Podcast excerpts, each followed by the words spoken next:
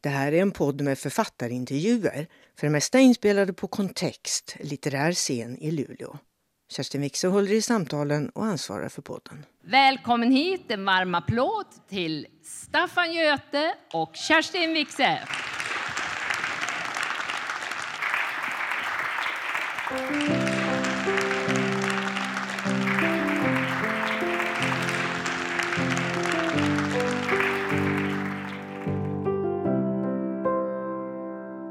Det kallar jag en varm applåd, Staffan. Ja, Det kändes. Hej och välkomna allihopa. Och välkommen Staffan Göte. tack så mycket. Jag vet knappt var jag ska börja. Det finns så otroligt mycket att prata om. Men, men om jag säger Köpmangatan 16 så är ju det i alla fall en start. På vad då? Ja, verkligen. Eh, Egentligen kan man börja på Hermelinsgatan 20. Aj då. För att jag föddes faktiskt hemma och vi bodde på Hermelinsgatan 20 där vid Loet. Sen flyttade vi till Köpmangatan 16. Jag kanske var två år eller någonting sånt. Jag kommer inte ihåg själva flytten.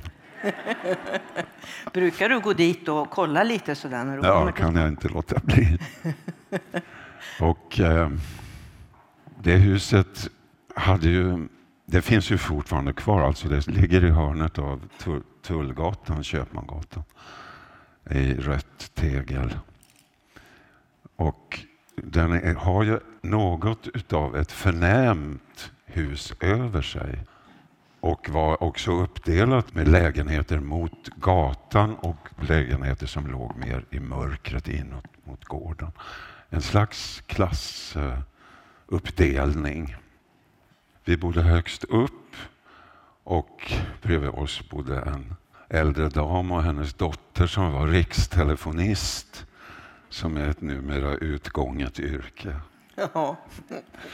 På den tiden fick man beställa rikssamtal när man skulle ringa. Det fanns inga ri- riktnummer utan skulle vi ringa till min mormor i Östersund så ringde man upp telegrafen i Luleå där rikstelefonisterna satt och så beställde man ett samtal till Östersund. Och 1707 eller vad numret var. Och man kunde till och med säga två perioder, det vill säga avgränsa hur långt samtalet skulle bli. Så att många känner igen det hoppas jag. Så att det låter inte som jag talar om 1800-talet.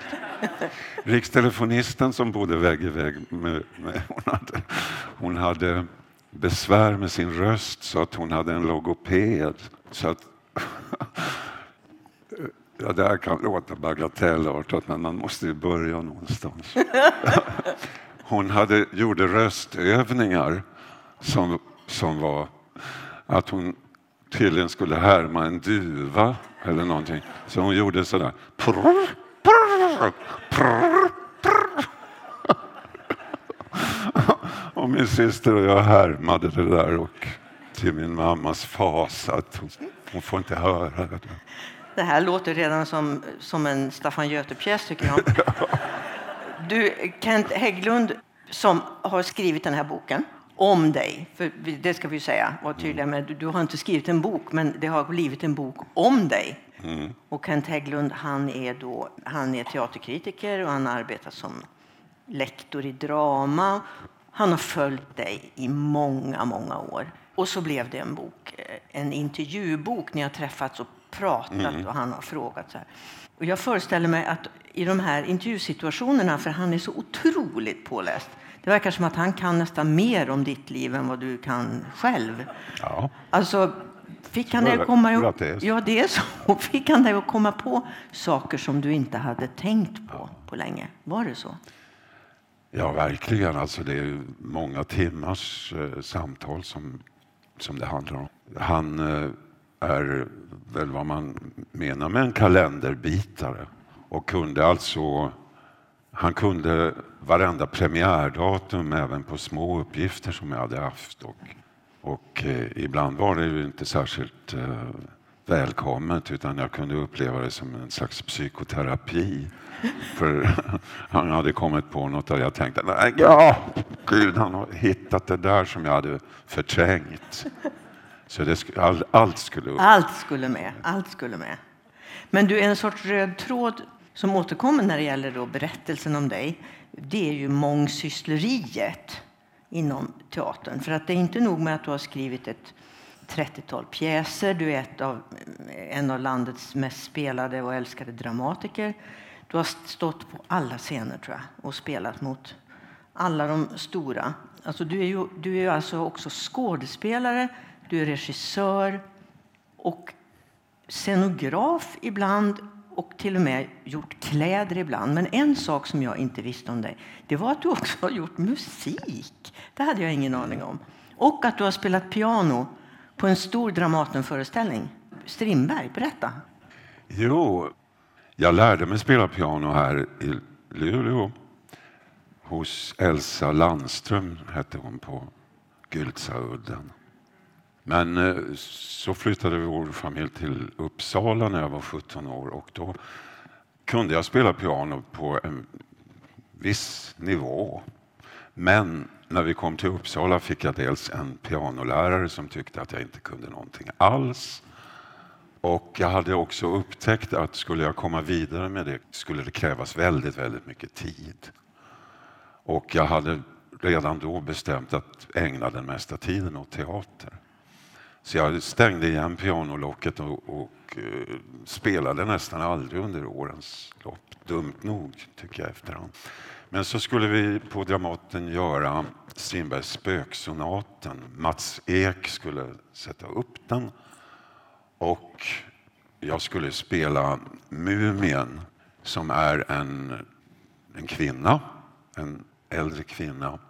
En societetsskönhet en gång i tiden men hon har fått sitt hjärta krossat och hon har stängt in sig i en garderob. Och till slut också av olycklig kärlek kan man väl tänka sig tappat förståndet så att hon, hon har en persona att hon är en papegoja. Det här låter verkligen absurt men det är Strindberg i hög form och en underbar roll att göra.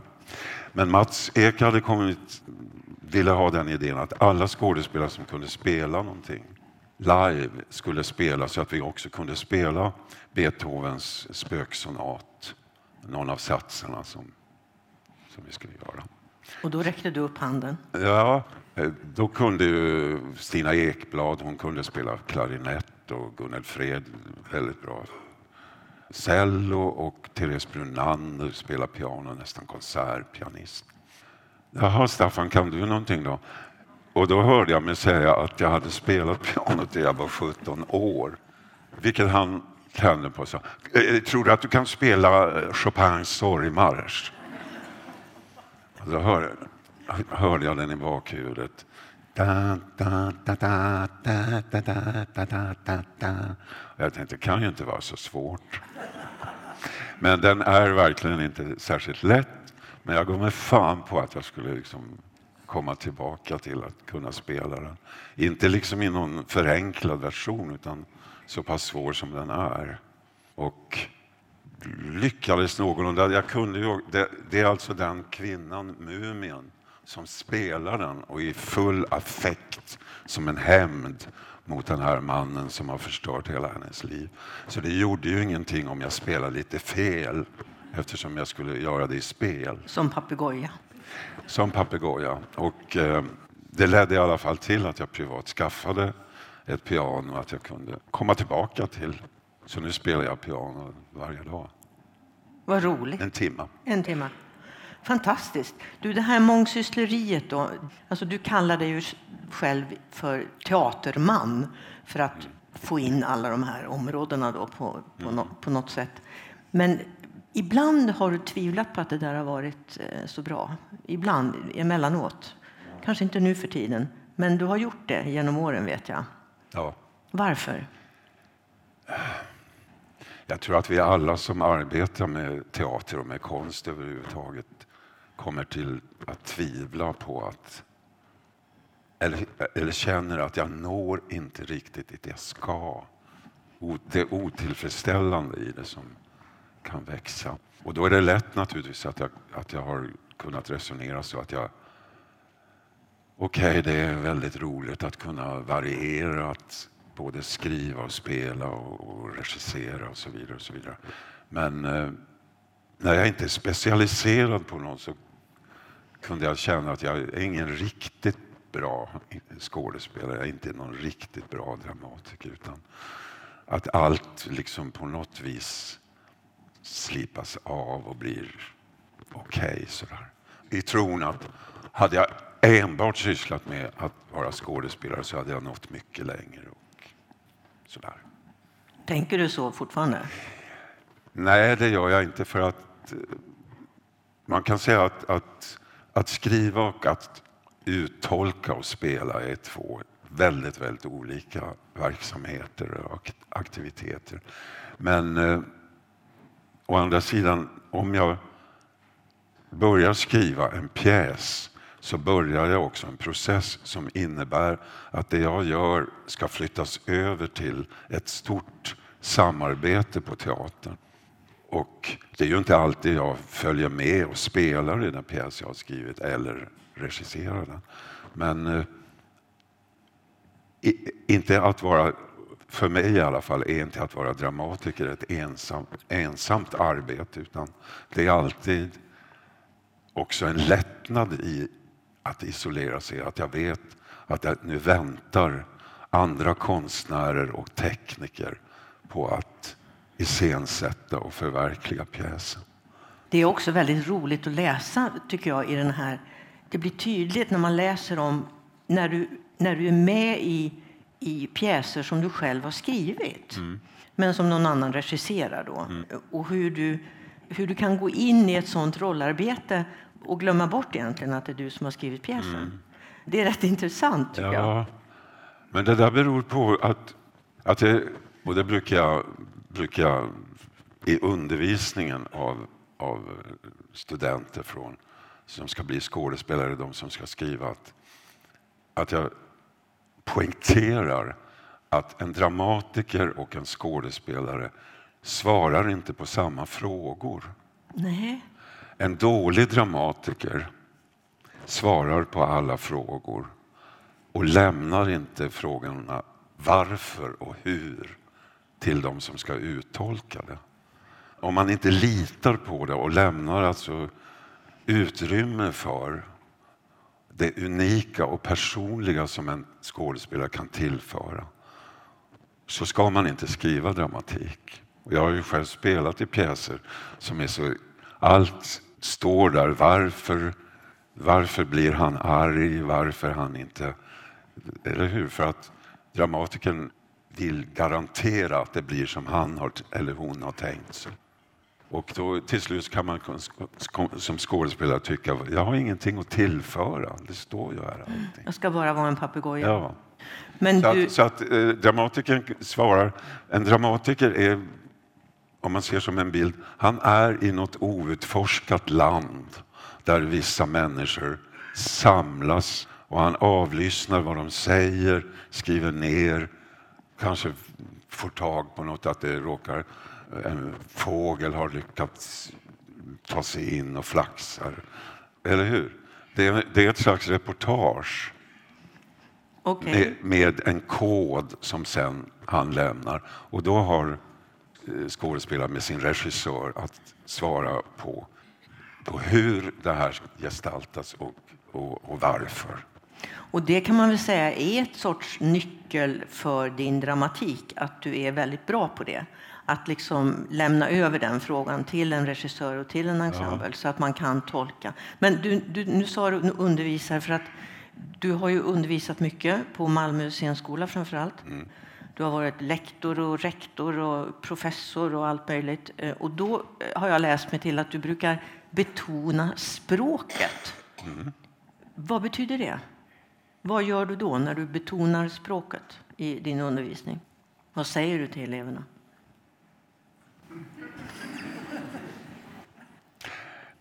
Jag tror att jag oftast berättar om min upptäckt när jag började själv som skådespelare. Det var i början av 70-talet. Och då vet ni att teatern med kraft decentraliserade sig. Det skapades regionteatrar. Alltså teaterverksamheten skulle bort ut från de stora städerna och spridas. Så att mitt första jobb var ju den nya regionteatern i Växjö. Och vi hade alltså som uppdrag att framförallt spela skol, skolteater. Och här i början av 70-talet så skedde ju också en stor vad ska vi kalla det, en förnyelse utav begreppet barnteater. Den svenska barnteatern blev så småningom en internationellt högt aktad konstform. Därför att man gick ifrån alltså barnteater i konventionell mening. Man skrev nya pjäser där barnets värld togs på ett mycket, mycket större allvar. Inte så lätt underhållande eller i sagoklichéer. Utan I det sammanhanget kom ju jag in. Behovet av nyskriven barndramatik var enormt. Och vi spelade alltså så mycket för, för skolpublik att det var naturligt att jag började skriva. Vilket jag inte hade haft precis som min huvudriktning utan jag ville utbilda mig att vara skådespelare. Men eftersom vi åkte runt och spelade i gymnastiksalar för att komma ut till skolorna så upptäckte jag snart att för att jag hade den inställningen ändå att teater ska spegla verkligheten. Men teatern har alltså den unika förmågan att behandla verkligheten på ett sätt som, som vi som publik aldrig hade trott var möjligt. Den är inte till för att bara avbilda verkligheten utan snarare att vända upp och ner på den också. Och att det vi, det vi känner igen kan ändå framstå som på en annan planet. Det är ungefär min inställning till teaterns uppgift. Att vi lär känna verkligheten på ett oväntat, ett oförutsett sätt. Och därför skulle ungarna när de kom in i gymnastiksalen som, som ju verkligen inte är någon särskilt tilltalande teaterlokal med sina eh, lukter och sina redskap. Det kan nästan se mer ut som en tortyrklinik helt enkelt. Men vi satte som en ära i Växjöensemblen att barnen skulle komma in och plötsligt få syn på den lilla spelplatsen, att där fanns någonting poetiskt överrumplande. Och vi åkte ju runt med mycket enkla medel. Sådana här eh, belysningssystem och ljussättningar var inte tal om. hade inte liksom uppfunnits på den tiden utan vi släpade in, rullade ut någon matta, satte upp någon skärm kanske och så. Men spelade i gymnastiksalarnas lysrör och så. Och då var jag stor i orden och sa att vi tänkte att jag ska göra som Shakespeare. Jag gjorde mig till hans like. Därför att Shakespeare spelade under samma enkla förhållanden i dagsljus och med en, en publik som kunde vara lika svårbemästrad som en, en exalterad lågstadiepublik som rusar in i gymnastiksalen. Kanske lite fullare. Ja, lågstadieungarna var i alla fall nyktra, det är sant.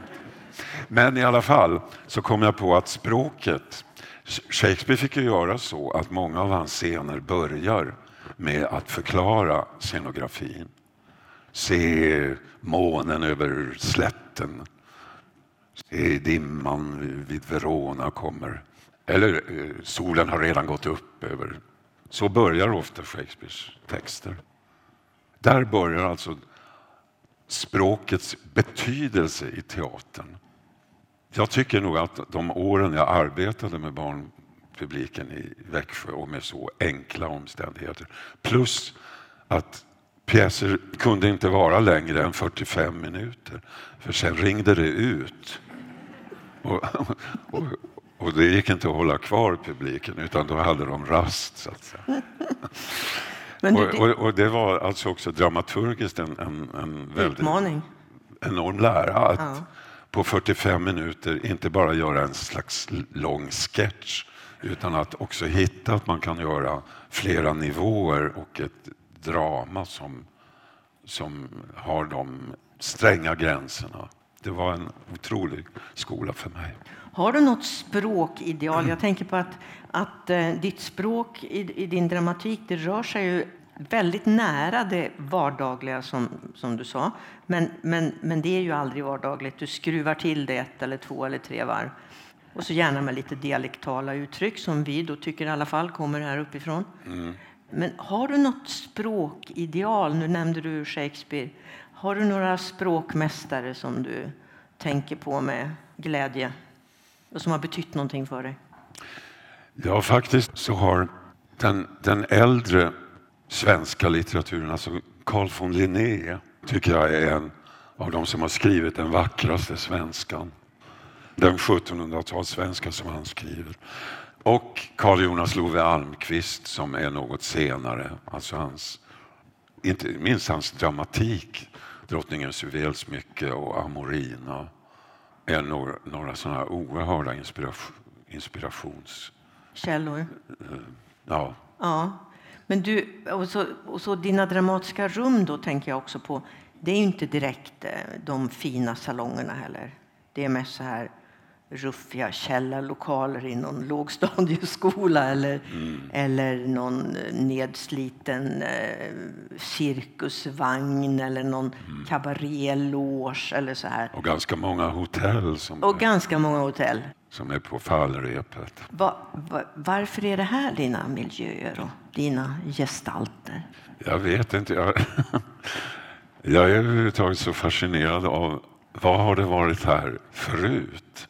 Så när jag kommer hit till exempel till Ebenezer så, så är det just dess historia. Liksom, vad var det här när jag var liten? Jag minns ju att det fanns något som hette Ebenezer. Men eh, miljöerna kommer kom ju ändå som ur de människor som finns i, i skådespelen, i, i pjäserna. Och många av dem är ju vad man med vilken rätt egentligen kallar för losers.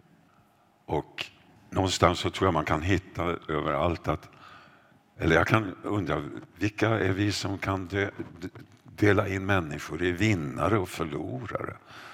Vinna vad då? Förlora vad? Och många av de människorna i mina pjäser är sådana som jag kan beundra, som människor som har många odds emot sig men som inte ger sig utan som startar ett nytt, ett, ett nytt hotell eller en ny affär eller förverkligar en ytterligare en ny dröm trots att allt har spruckit. Det är någonting som, som jag kan beundra så och tycka verkligen är värt att gestalta. Det talar till dig också, kanske. Det är en sorts mm. moralisk uppmaning mm. kan man säga. Mm. Så här kan man också leva. Mm. Inte ge upp. Det verkar ju som att du redan som barn visste att teatern var din destination. Mm. Du började att spela mm. dockteater, Kasperteater och du satte upp revyer här i stan och mm. skrev kabaréer, höll jag på att säga, eller åtminstone revyer. Och jag såg en tidningsartikel från eh, lokalpressen när du flyttade härifrån. Mm. Det var ju liksom stor rubrik. Nu lämnar han stan. Med bild på dig. Jag såg någon bild också med där det var Elvis eller någonting med så här ja, uppdragen överläpp. Och då var du 17 ungefär. Mm. Sen kom du till Uppsala och det blev väl ändå en vändpunkt. Då, nu kunde du börja ditt mm. inspirationsarbete, tänker jag. Alltså, då började du se mm. väldigt mycket teater. För då, då kom du närmare de stora scenerna. Ja. Vad gjorde du? Du åkte till Stockholm och såg, du var på Uppsala stadsteater, du ja. gick på Dramaten, du gick på Stadsteatern och såg liksom mm. de stora regissörerna, de stora skådespelarna. Och blev ännu mer bestämd mm. på att teater. Ja, precis. Det fanns en verklig vändpunkt, alldeles riktigt. Som, alltså, bortsett från arbetet med den här, utifrån den här boken, så, så har jag haft så mycket anledning att fråga mig hur kom det sig att jag började med det här. Så jag har verkligen snokat och försökt eh, dammsuga Luleå på i början av 50-talet vad det var som kunde få mig att välja ett så pass udda yrke som det jämförelsevis var. Och varför det aldrig fanns någon tvekan om att jag ville till, till showbusiness, om man säger så. Och vad jag visste om showbusiness var ju just cirkus och lokalrevyer och jag kommer bara ihåg en enda föreställning av mer drama. Det fanns på den tiden ute i Gäddvik varje sommar den så kallade laxfesten. Och dit åkte vi alltid. Och där fanns något som hette Eugens varieté som för mig var, var eh, den stora eh, upplevelsen. Men en gång så var det, jag vet inte om jag kan vara fem, sex år, så framfördes ett historiskt krönikespel där laxfesten. Det, det är som en udde mitt emot de här niporna, alltså ner mot älven. Och där spelade man ett, ett amatörspel, måste det ha varit, som hette Vårdkasen brinner. och som jag har eh, helt enkelt googlat på i och med att jag söker mitt ursprung och som visar sig vara en nu bortglömd författarinna som heter Tora Föjk som skrev historiska romaner som var mycket populära. Hon var verkligen mycket läst författarinna. Och då hade man tydligen dramatiserat det och det hade kommit upp hit till Norrbotten. Vårdkase är ju att man tänder upp stora eldar på höjder som liksom varnar för att fienden är antågande.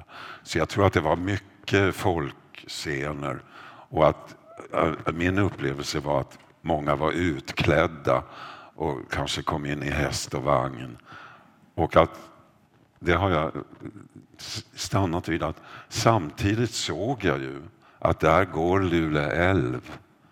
Eller hur? Och där borta ser man Notviken. Och man, det var verklighet men det var liksom just det här att kontrasten mellan, mellan konsten och verkligheten som någonstans fanns. Satte sig i dig? Men alltså revy och cirkus och Povel Ramel och Knäpp upp och att jag själv skrev skolrevyer och, och, gjorde mig själv till dess stjärna och så vidare. Det var att jag trodde att jag skulle bli revyartist. Och nu när jag någon gång hittar fragment av sketcher eller sånt som jag skrev på den tiden som tonåring kanske till skolrevyer så tycker jag inte att de är särskilt roliga. Och en revy ska ju verkligen vara rolig, det är väl det, det enda man kan kräva.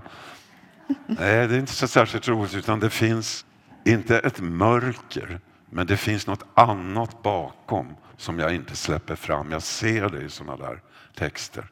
Att utan att vara medveten om det så säger det att det är inte det här du ska hålla på med. Utan sen, genom att jag också mognade så, så upptäckte jag ju att, inte att det fanns ett mörker, men jag tror att det fanns en känsla, det fanns en mystiker jag måste bara ta ett annat tillfälle här i Luleå som är ett av de allra tidigaste minnen jag har. Och det är att jag följde med min, mina föräldrar på en konsert. Jag tror att det var en barnkör som framträdde i Luleå domkyrka.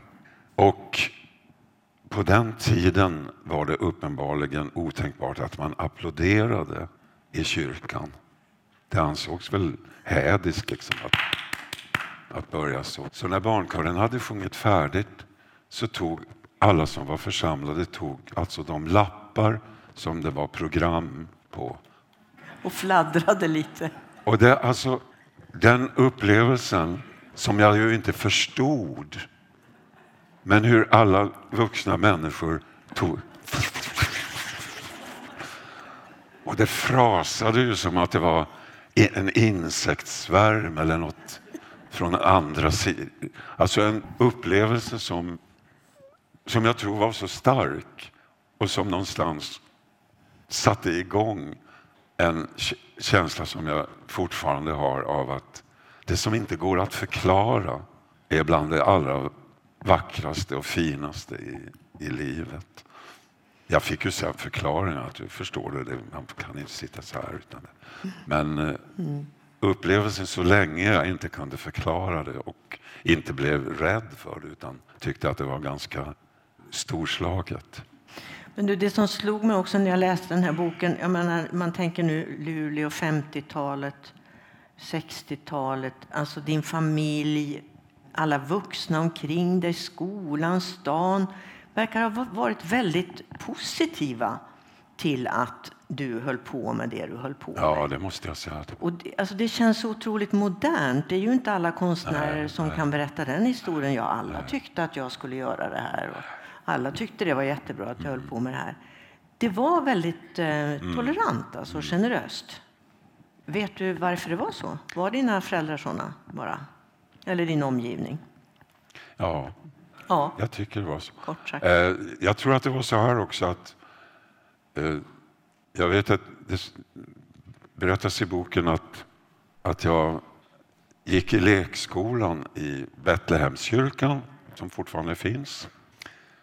Och jag tyckte inte om att det var så mycket barn.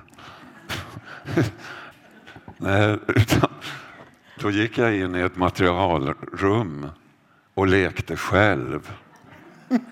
Och tant Ulla, som inom parentes var Frej Lindqvists mamma, hon var lärarinna. Och då kom hon in och sa till mig så här, Staffan, om du inte vill vara med de andra barnen, hon pratar finlandssvenska, ska inte försöka göra det. Om du inte vill vara med de andra barnen, då kan du inte gå på lekskolan. Och så, men jag, tror, jag gick väl ut för skams skull och lekte också med dem. Då. Men jag tyckte mest om att vara ensam. Och lekte, alltså när jag började vilja uppträda så gjorde jag det mycket för mig själv och kanske ibland framför någon spegel eller så. Men så hade jag ju en kompis som var väldigt bra på att göra modeller så vi hade en slags modellcirkus. Så att just att, att uppträda och när jag gjorde skolrevyer och så vidare så var jag ju redan tonåring. Och då tror jag att tiden var inne för att man, att man eh, dels tog vi som tonåringar mer plats och gjorde som vi ville lite grann när det började bli 60-tal. Eller hur? Och, eh, och så blev det uppskattat och man tyckte att jag hade någon talang. Det är bara att gratulera. Det är bara att gratulera. Ja, ja. Jag tänker på det där med revy och det du säger om mörker och att det fanns någonting annat där. Det finns en scen i boken som jag tyckte var fascinerande och det är när du kommer på du ska, du ska spela Malvolio, ni vet han med de gula strumporna i Shakespeares En trettondagsafton. Du ska spela Malvolio och du kommer på i det sammanhanget att du inte behöver vara underhållande så fort du kliver in mm. på en scen.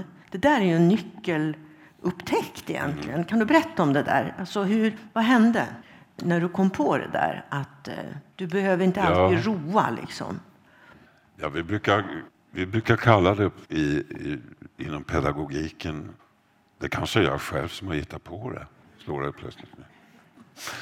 Jag kan påstå allt när jag kommer igång här. Någonting som heter underhållningsdjävulen. Och det är när vi skådespelare njuter av mer av att visa hur underhållande vi är, hur bra vi är, hittar på så fort vi kommer in på scenen. Istället för att underordna oss vad det är vi ska berätta och gestalta. Och det där kan ju låta självklart, men ofta är det väldigt svårt. Det sitter så djupt i oss att vi får inte vara tråkiga på scenen. Och antingen så hittar vi på saker för att, om, om pjäsen tillåter det, att, att underhålla istället för att koncentrera oss på det allra svåraste, nämligen den totala närvaron på scenen. Och det, andra, det andra förrädiska är att gå in och visa hur bra jag är. Ser ni vad bra jag är? Hör ni vad bra jag är? Att det finns en, en tillfredsställelse att, det här, att bli beundrad. Det är farligt. För det, det svåra, svåra är att, som, som det du antyder här, att, att, att lära sig att vara så minutiöst förberedd att repetitionerna har, har gett mig total behärskning av vad det är som måste skildras. Att jag kan gå in och säga till mig själv, gör ingenting. Var bara där, lyssna bara till vad hon säger. Du vet vad du ska svara, men tänk inte vad är det nu jag ska säga och ta liksom repliker i nummerordning. Utan vänta tills impulsen kommer. Och då vet jag vad jag ska svara, för det, det, så är ju teater uppbyggt. Men då blir det på riktigt. Då blir det något Men det annat. finns också så att jag kan, jag kan fuska och sitta och tänka att åh, vad de tycker att jag är snygg när jag sitter här. Och så vet jag att snart kommer den där repliken och så säger jag den. Därför att det viktiga är att, att ni ser hur bra jag är och att, att jag har timing och kommer på men det är hemskt, det är väldigt, väldigt, alltså den totala närvaron är ju den stora skådespelarkonsten. Men för att någon gång, någon gång nå det, vilket ju är en nådegåva när man känner att nu var jag helt närvarande. Där, där får man liksom stänga av sådana saker, att gå in och visa, jag har gjort läxan, jag kan det här, jag är bra. Och jag är dessutom rolig och snygg. Du är ju rolig och snygg, Staffan. Du, inom, teater, inom film och tv då brukar man väl kalla det för less is more. Alltså, Mm. Det måste du ha haft eh, nytta av, för du har gjort mycket filmroller och tv-serieroller och sånt. Där är det väl ännu viktigare Ja. att inte spela över eller liksom eh, vänta in sammanhangen. Nu ska vi dra lite snabbdata här. Du dröjer väldigt länge med att söka till scenskolan. När du sen gör det, du kommer inte in på Dramaten och så är du väldigt lycklig över att du inte gjorde det utan istället hamnade i Göteborg. Du gifter dig med Kristina härifrån Luleå. Ni får ett barn. Du är förälder när du går på scenskolan i Göteborg. Hur klarade du det? Eller var det Kristina som klarade det mest? Ja, hon var ju familjeförsörjare.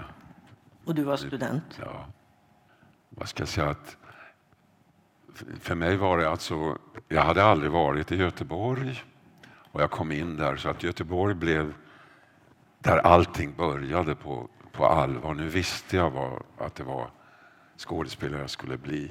Och eh, lyckan över det och lyckan över Puntila som sonen kallades, hans smeknamn. Lyckan var liksom total och man, man orkade allt, man kunde allt så att säga. Så att det, det, det var en, sannerligen en lycklig tid. Och Göteborg var ju, jag kom ju dit det famösa året 1968 och den stan kokade ju av, av upprorslust, av allt från tokvänster till att man hittade nya spännande konstnärliga uttryck. Så det var ju verkligen rätt ställe och det innebar ytterligare en mognad hos mig. Att jag hade insett att jag inte var, eh, det var inte knäpp upp jag skulle vara med i.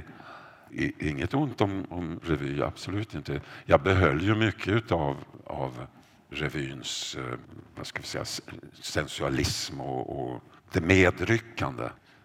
Uttrycket, ja. Ja, absolut. därför att i den här, eh, låt oss kalla det vänstervridna, samhällskritiska teatern, där fanns ju inte minst från tokvänsterhåll en slags asketism.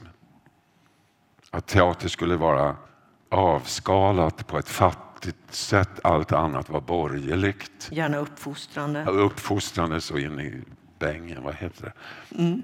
Och jag själv utsattes då när jag hade börjat skriva dramatik för kritik, att jag var flummig. Det var liksom det värsta man kunde vara. Det skulle vara raka rör och klar, klara eh, Klassperspektiv. klassperspektiv och så vidare. Jag var inte emot allt det, men jag kände det, det där behärskar inte jag. Och då kom jag på att jag skulle citera hur Frälsningsarmén, när de startade, precis som jag då, då menade, det är borgerligt, färgat ljus på scenen, det var borgerligt. Frälsningsarmén när de startade så fick de kritik därför att de använde slagermusik och, och sekulär musik. Alltså inte andlig eller vad idealet skulle vara. Och då hade William Booth svarat så här att Nej, men varför ska Satan ha de bästa melodierna? Det och det sa jag alltid. Att, varför inte använda teaterns bländande sida och dess förföriska sida. Det, det utesluter ju inte att man har något viktigt att säga och något viktigt kanske att kritisera och något viktigt att propagera för att det här ska vi ändra på så att säga. Alltså, Kent Hägglund han går ju igenom varenda pjäs Staffan har skrivit och nästan varenda roll du har gjort mm. tror jag, i den här boken. Det hinner, det hinner inte vi ikväll. Men vi måste ju komma fram... Vi hinner inte det, Staffan. Nej. Men vi måste, vi måste ju komma fram till en uppstoppad hund. Eller hur? Ja. Alltså, det är ju en av dina kanske mest spelade pjäser och det var ju också invigningspjäsen på Norrbottensteatern. Hur många var där? Och jättemånga i publiken var där. Jag förstår. Och jag, och jag var också där. Ja, och där har du ju med en låt. Carola, Främling, ja, till exempel. Men eh, kan du, kan du säga någonting om... För att det Kent gör i den här boken är att han får Staffan att berätta om hur började den här pjäsen? Vad var din association?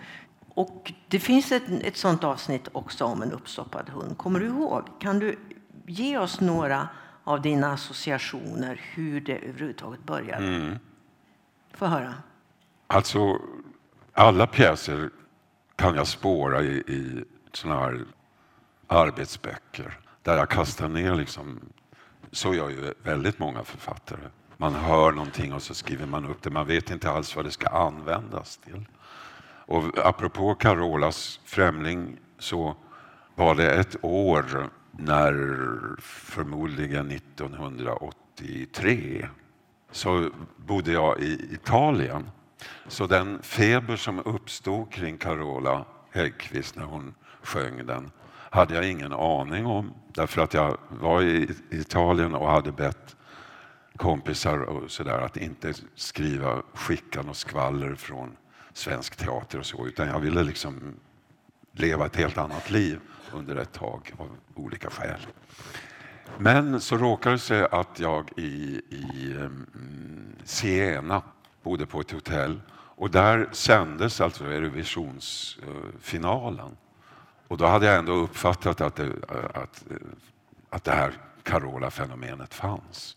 Men då hörde jag den melodin och den hamnade i de här arbetsböckerna eh, det slog mig att den där ska jag använda till någonting alldeles speciellt. För den hade en slags blandning utav, samtidigt som den är som en tyrolermarsch av eh, takt och ton, så, så sjunger hon den på ett sätt med en fullkomligt desperat rop ut. Så blir vår kärlek aldrig främmande igen. Och jag tyckte det där var väldigt suggestivt och tycker fortfarande. Men eh, bland, bland eh, fragmenten i mina arbetsböcker så finns, tror jag, det tidigaste som går mot att göra en skildring av hur någon, Morgan Serväng som är en slags huvudperson i, i berättelsen, återvänder ju till hans pappa är ju död sedan länge men hans mamma dör ju i slutet av pjäsen och så återvänder Morgan Serväng till den här stan vid Bottenviken. Och, och det är då man hittar ju den här uppstoppade hunden. Men det första fragment som jag kan hitta det är att vi flyttade ju som sagt till Uppsala när jag var 17 år och bodde eh, på Dragabrunnsgatan som ligger ganska nära järnvägsstationen. Så jag kunde från mitt rum höra när man på plattformen nere på Uppsala central ropade Nattåget mot övre Norrland kommer strax in på spår fyra. Och jag tyckte att det där nattåget mot övre Norrland lät så oändligt poetiskt. Och sen när det var, ja men det, det fanns något på nattåget mot övre Norrland. Det är vackert. Det är vackert. Och, och den gamla Nordpilen spelade en stor roll i min barndom som drömmar om något annat och sådär. Men eh, när det var dags att sk skriva så fanns det en annan mm, fåra, nämligen att jag hade tröttnat eller säckat ihop inför att ha så hemskt många bollar i luften. Apropå det vi pratade om, mångsidigheten. Mm. Flydde jag på ett sätt till Italien och så där kom jag på, nej nu fan ska jag strukturera upp det här så att det fungerar bättre. Och så kom jag på att jag skulle skriva en som dramatiker så skulle jag ha ett spår, nämligen att jag skulle skriva en slags teaterfresk över en svensk släkt som på ett sätt kunde påminna om min egen släkt och som är 1900-talets svenska historia från att gå från ett, ett bondesamhälle via industria... Eller hur? Den... Det var ju inte ett litet projekt. Nej, verkligen inte. Men jag tänkte då har jag liksom någon, inte någon... massa bollar här och där. Utan sen kan jag stiga av och göra någon roll där och någon roll där som jag känner att jag måste göra. Det kan vara Tjechov eller Stindl eller vad som helst. Men den här fresken skulle göras. Och så kom jag på det här släktnamnet som inte skulle vara eh, det mest vanliga utan det skulle ha någon karaktär. Men ändå inte liksom vara konstigt att det förekom i en svensk trappuppgång att någon hette Servieng. Lite konstigt.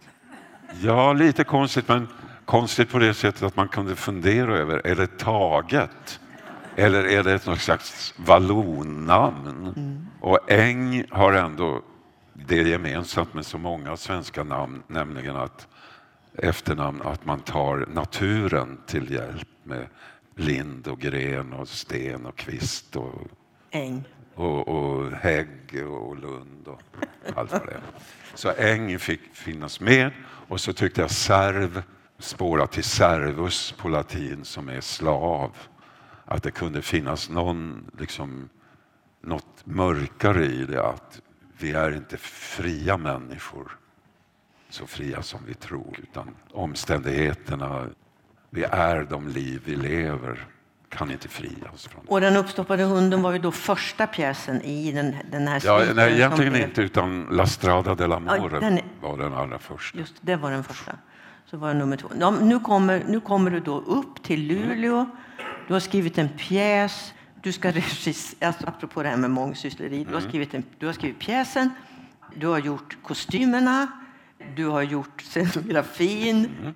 Du kommer hit, du drabb, det är första gången du är tillbaka. Du drabbas liksom av stan också, ja, av språket och så. Så kan man ju tänka sig att det var jubel och klang och alltihopa var toppen. Men så var det ju inte riktigt. Du mötte motstånd kan man säga på teatern. Ja. I form av Gullan. Vad hände? Kära Gullan. Teatern var ju spridd på flera olika lokaler och spelade uppe på Hermelinskolan. Och man byggde Nya teatern. teatern. Mm. Och när jag första gången kom upp för att visa skisser och sånt där som jag hade så var ju inte teatern färdig utan den var mer i upplösningstillstånd inför flytt. Nu försvarar jag Gullan här för att, för att då kom jag och så hade jag en tanke om att hela pjäsen ska börja när Morgan Servering är, jag hade tagit bort nattåget mot övre Norrland. Det utspelas istället, vilket var mer tidsenligt, på ett konferenshotell där han möter sin gamla ungdomsflamma. Men då hade jag en tanke på att, att i första scenen när han minns nyårsafton 1952 eller vad det är så skulle alla personerna som är med i pjäsen liksom komma in och alla är gråklädda och liksom mer väsen i, i minnet. Något. Vi gjorde det inte alls så, men, men då, då hade jag den idén. Och då bad jag Gullan att när ni flyttar, kan, kan inte ni hänga alla gråa kläder ni har för sig för att uh, ha liksom ett sortiment men då var hon tvärarg och det, det berodde väl på att flytten var nog så, så jobbig. Mm. Så hon menade att det var kostym. Och hon var väl, jag var ju inte kunnig i fråga om tillskärning och sånt där. Så hon undrade ju, visste ju inte ens vem, alls vem jag var. Så det, det är inte så konstigt att hon var mycket, mycket skeptisk. Men det ordnade sig. Ja, det ordnade så otroligt väl för att jag tror att det berodde på, så, så är teatern med sina, alla sina konflikter och så. Men sam, samtidigt så skulle man inviga med en stor spektakulär föreställning på stora scenen som växte över alla breddar. Och när jag då kom in i kostymateljén med mina små anspråk så var jag så älskad av Gulla. Så, oj, oj, oj. Så frid över hennes minne. Hon, Herregud, hon resten är... var his- en ja. fantastisk människa. Ja, Gullan. Resten är historia som man, som man säger. Eh, Ja, ni vet ju alla, det blev ju en stor succé hösten 86. Och sen har den ju spelats alltså i Sverige på nästan varenda scen och i tv och i Norden. Och, och du har varit med flera gånger i din egen pjäs. Har du bara spelat hund? Bara hund? Eller det är ju två hundar. Ja, det är 200, men du har inte gjort något. Det räcker. Du har, du har spelat 200. Alltså nu låter det ju, ni hör ju du, har du har spelat på alla de stora scenerna, du har spelat mot alla de stora skådespelarna, du har skrivit 30 pjäser som har satts upp otaliga gånger. Det kan ju låta som att eh, ditt liv, eh, och alla var snälla mot dig när du var liten, det kan ju låta som att ditt liv bara har varit fullständigt konfliktfritt och ja, inga bekymmer överhuvudtaget. Så är det ju inte riktigt och det framgår ju också i boken. Du hade en period av år när du var olyckligt kär. Du skilde dig från Kristina. Du var olyckligt kär i väldigt många år. Det kanske är bra för dramatik, men inte så kul att vara med om. Eh, Du hade mm, stora problem med alkohol eh, under en rad år. Och sen löste det sig också så småningom och nu lever du med Ingmar sedan 25 år tillbaka, drygt 30 nästan. Och du har slutat dricka. Men jag tänker på att det här med alkoholen och eh, homosexualiteten, det har ju funnits med liksom, i dina pjäser. Men du har aldrig skrivit som andra har gjort, såna här mm, problempjäser som jag kallar dem. Liksom. Detta är ett problem eller en berättelse om någon som kommer ut eller någon som super ihjäl sig. Eller sådär. Det har funnits där, men du har aldrig valt det sättet att eh, dramatisera de delarna av ditt liv. Hur kommer det sig? Det är ju ett väldigt medvetet val. Ja, jag tror att eh, jag tycker själv, jag är väldigt främmande för teater, alltså som man brukar kalla för fallstudier. Jag är inte den som motarbetar det, utan det kan göras väldigt starkt och så vidare, men det, det är mig väldigt främmande.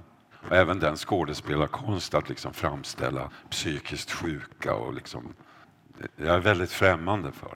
För det, det är ju en, en, en mycket vanlig genre, alkoholister och, och, och även inom hbtq, att man skildrat liksom avvikelser som någonting så dödsbringande eller så olyckliga människor som hamnat snett och sådär.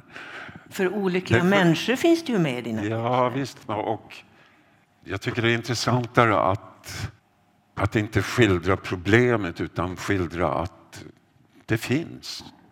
Jag tror att, att man, eller man har pekat på att i mina pjäser är kvinnorna ofta de starka och livskraftiga. De som liksom får ta itu och ordna upp och har visioner och så vidare. Medan många män är kvar i pojkhobbys och sitter med sina hobbys eller drömmer sig iväg eller ljuger sig bort, super sig bort och sådär. Det är en oändlig mängd människor som möts i mina pjäser och jag tycker att det i så fall är större och intressantare att visa på det komplicerade i, i de, de sociala sammanhangen än att peka ut olika problem och hur vi borde vara mot dem som har det svårt. Och, Och inte minst med, med homosexualitet och med avvikelser. De som avviker är ju människor som vi och har, har, går ju inte ständigt med det problemet att tänka att jag är avvikande. Jag, kan, jag, har, jag måste gå och lägga mig, tror jag. Det är Nej, det, det, det, det, är inte det som är det intressanta. Så att, eh, utan att ha något program, att jag ska, att jag ska skildra människor si eller så, så, så struntar jag i, i, i det. det. Det intressanta är att är det komplexa och det intressanta är det som, det som inte går att förklara. Det är det som eh, Ja, upprör dig egentligen. Och, och ändå, jag har ingen strävan att skriva pjäser där som är mystiska och, och gåtfulla. Utan det är mycket mer att jag som, som människa fängslas av det som inte går att förklara. Jag skräms inte av det. Utan de, de gånger jag har förstått att det är ingen idé att förklara det här. Det, det måste finnas något samband. Och bara det är så härligt att, att leva vidare, tycker jag, till nästa gång det händer. Du gör ju ofta så också i slut. Alltså du har såna där öppna slut Mm. så när du skriver. Du kan sluta mitt i någonting och så tänker man va? Så att man kan leva sig vidare själv i sina fantasier. Du är ju en, du är ju en konstnär, Staffan, med en stor integritet. Och nu har du, nu har du liksom gjort ett... Du är ju teaterhistoria. Nu har du gjort ett teaterliv som är enormt. Du har ju aldrig varit den personen som har vikt ut dig i veckopressen eller suttit i stora intervjuer i sofforna i tv och sådär. Hur har, du, hur har du gjort för att undvika det? För att det måste ju vara ett medvetet val. Nog finns det ju folk som har ryckt i dig och velat att du ska göra både det ena och det andra. Men där har du gjort ett val. Ja, det tror jag man kan säga. Eh, teater är ju som konstform, kanske mer än något av annan konstform, är ju beroende av publik.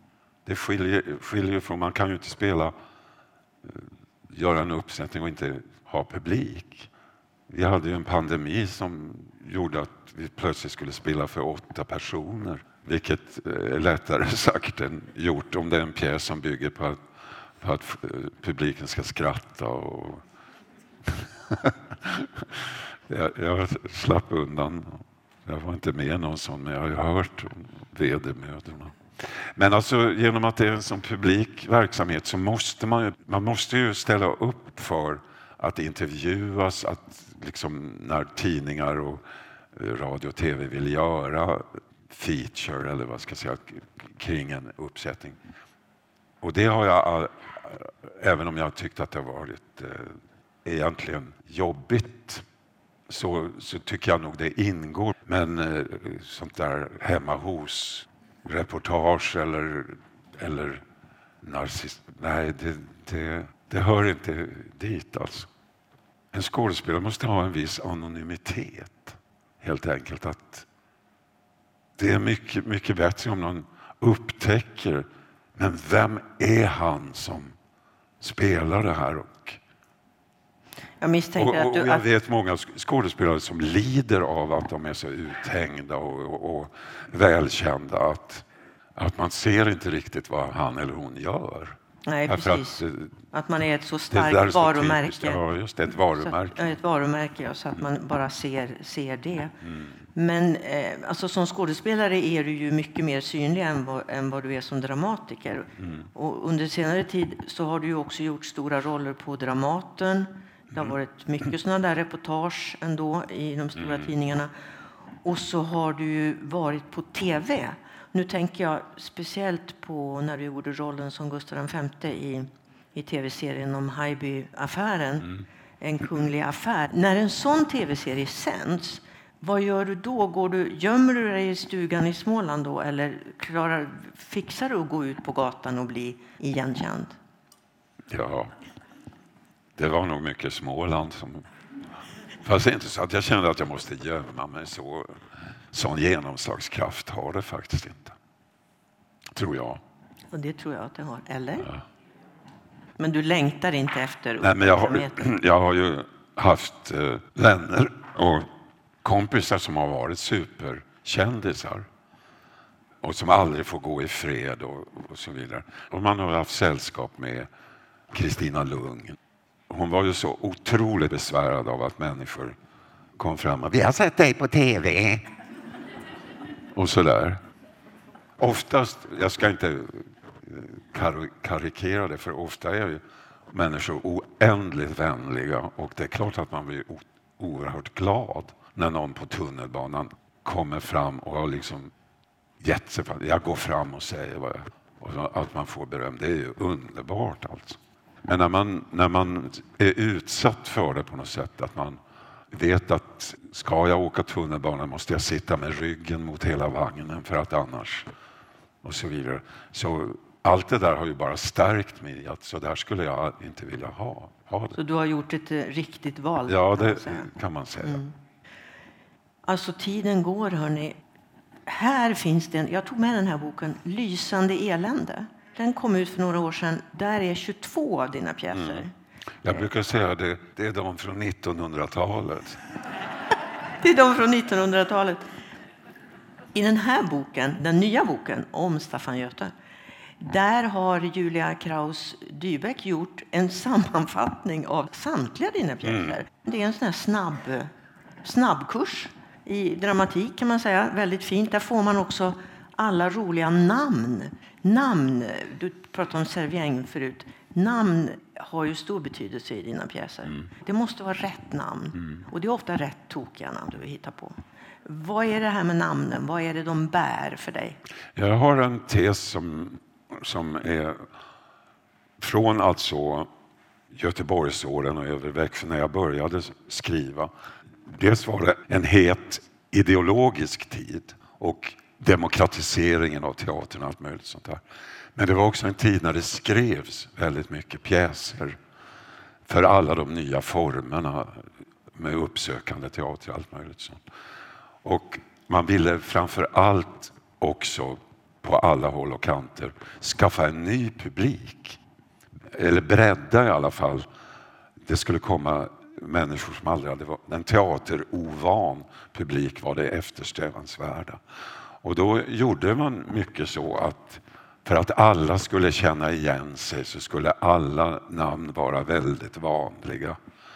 Och jag upptäckte tidigt att då är det ingen som känner igen sig. Nej. Därför det blir för urvattnat om alla heter det, det, mest typiska. Jag kommer ihåg att jag gjorde en pjäs som heter eh, Den gråtande polisen som handlar om en vanlig polisman i ett arbetarhem i Oxelösund hade jag bestämt att det skulle vara. Och då när jag skulle döpa den så tog jag till ett så ovanligt namn som att frun heter Mary i förnamn och familjen heter Gadenfält. Men det blev något, eh, jag var inte med och spelade alls i den föreställningen men vi gjorde den på Folkteatern i Göteborg och där berättade skådespelaren och framförallt Birgitta Pettersson som spelade Mary Gadefelt att nästan varje föreställning så kom någon fram till henne och sa det där är precis min mormor. Så att jag, tr- jag tror verkligen på det att ju mer preciserad man är i bland annat i att namnge en person och går emot alltså det att vi vänjer oss vid att se människor statistiskt. Det typiska är för en arbetarhustru i Oxelösund är det och det. Och det typiska för en homosexuell man i Malmö är det och det.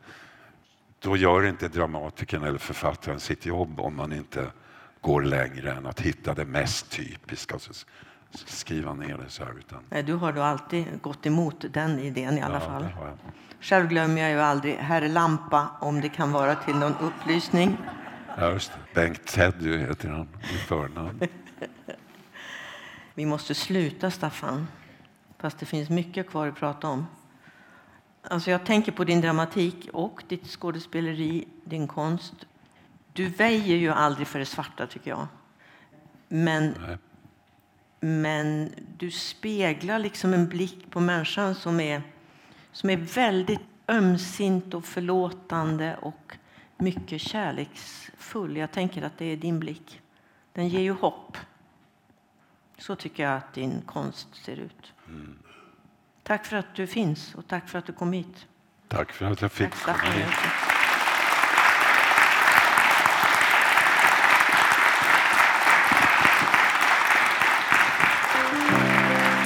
Tackar så mycket.